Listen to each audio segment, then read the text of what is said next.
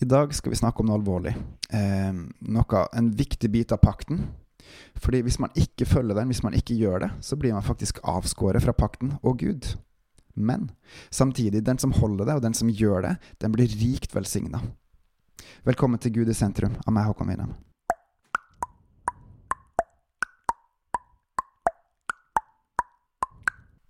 Vi skal i dag rett og slett hoppe rett inn i Matteus 25 og til dommedagen, for der står det, fra vers 31. Men når Menneskesønnen kommer i sin herlighet, og alle englene med han, da skal han sitte på sin trone i herlighet, og alle folkeslag skal samles foran han. Han skal skille dem fra hverandre, som en gjeter skiller sauene fra geitene, og stille sauene til høyre for seg og geitene til venstre. Så skal kongen si til dem på sin høyre side, Kom hit, dere som er velsignet av min far, og ta det rike i eie, som er gjort i stand for dere fra verdens grunnvoll ble lagt. For jeg var sulten, og dere ga meg mat. Jeg var tørst, og dere ga meg å drikke. Jeg var fremmed, og dere tok imot meg. Jeg var uten klær, og dere kledde meg. Jeg var syk, og dere så til meg. Jeg var i fengsel, og dere besøkte meg. Da skal de rettferdige svare, Herre, når så vi deg sulten og ga deg mat, eller tørst og ga deg drikke? Når så vi deg fremmed og tok imot deg, eller uten klær og kledde deg? Og når så vi deg syk eller i fengsel og kom til deg? Men kongen skal svare dem, sannelig jeg sier dere, det dere gjorde mot en av disse minste mine brødre, gjorde dere mot meg. Deretter skal han si til dem på sin venstre side, Gå bort fra meg, dere som er forbannet, bort til den evige ild, som er gjort i stand for eh, djevelen og hans engler. For jeg var sulten, men dere ga meg ikke mat. Jeg var tørst, men dere ga meg ikke drikke. Jeg var fremmed, men dere tok ikke imot meg. Jeg var uten klær, men dere kledde meg ikke. Jeg var syk og i fengsel, men dere så ikke til meg. Da skal de svare, Herre, når så vi deg sulten eller tørst eller fremmed eller uten klær eller syk eller i fengsel uten å hjelpe deg? Men han skal svare dem, sannelig, jeg sier dere, det dere ikke gjorde mot en av disse minste, har dere heller ikke gjort mot meg. Og disse skal gå bort til evig straff, men rettferdige til evig liv. Det er ikke offer Gud ønsker, det er barmhjertighet. Det er ikke faste Gud ønsker, men barmhjertighet. Han ønsker ikke at vi skal følge han slavisk og leve pent og pyntelig, men han ønsker at vi skal elske hverandre. Han ønsker at vi skal vise barmhjertighet. Vi skal leve et liv etter Guds standard, og det vil si at vi skal ha kjærlighet til Han og våre brødre. Det er det som er endte at vi skal elske Gud og elske vår neste.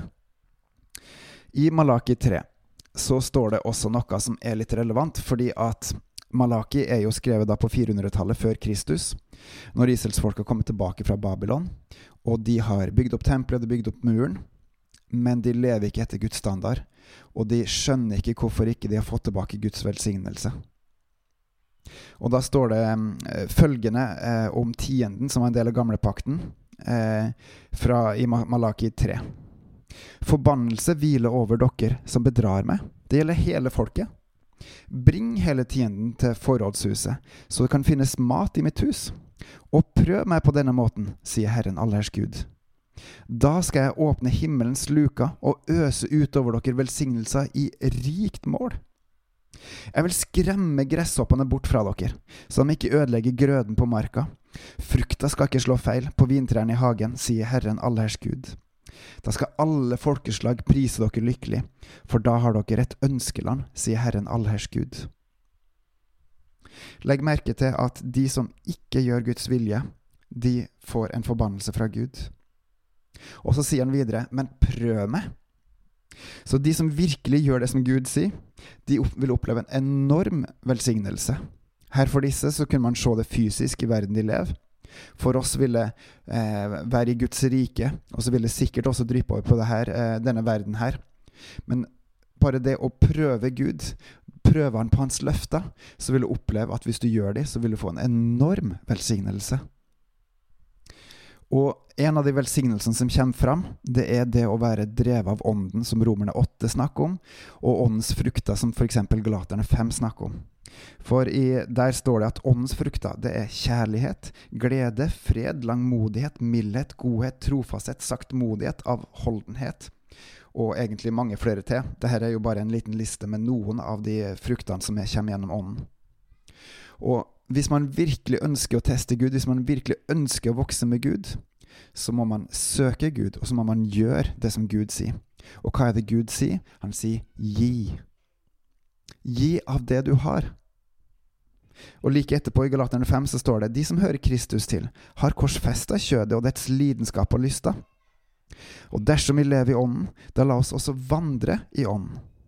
Så man skal ikke lenger gå etter egne lyster, men man skal gå etter det som er etter Guds vilje, etter Guds standard, etter Guds lys. Og da skal man gi. Men, men eh, hjelp, hva skal man gi for noe? Og da er mitt generelle tips bebels. Bygg Guds rike gjennom å 1. Be, først og fremst for Guds rikes vekst. 2. Elsk Gud, brødrene og deretter andre. 3. Les i Bibelen for å lære hva Guds standard er for noe. 4. Lytt Den hellige ånd for å få opplæring av Han, pluss mye annet. 5. Sammenvoks med Gud og brødrene. Da gir vi Gud tilbake av det han fortjener. Da tar vi oss av hverandre, sånn som Matteus 25 sier. Og da vil Gud velsigne oss rikt med alle hans velsignelser i Guds rike. Så gi, bebels, det er en del av pakten, og det følger med enorme velsignelser i det. På gjenhør.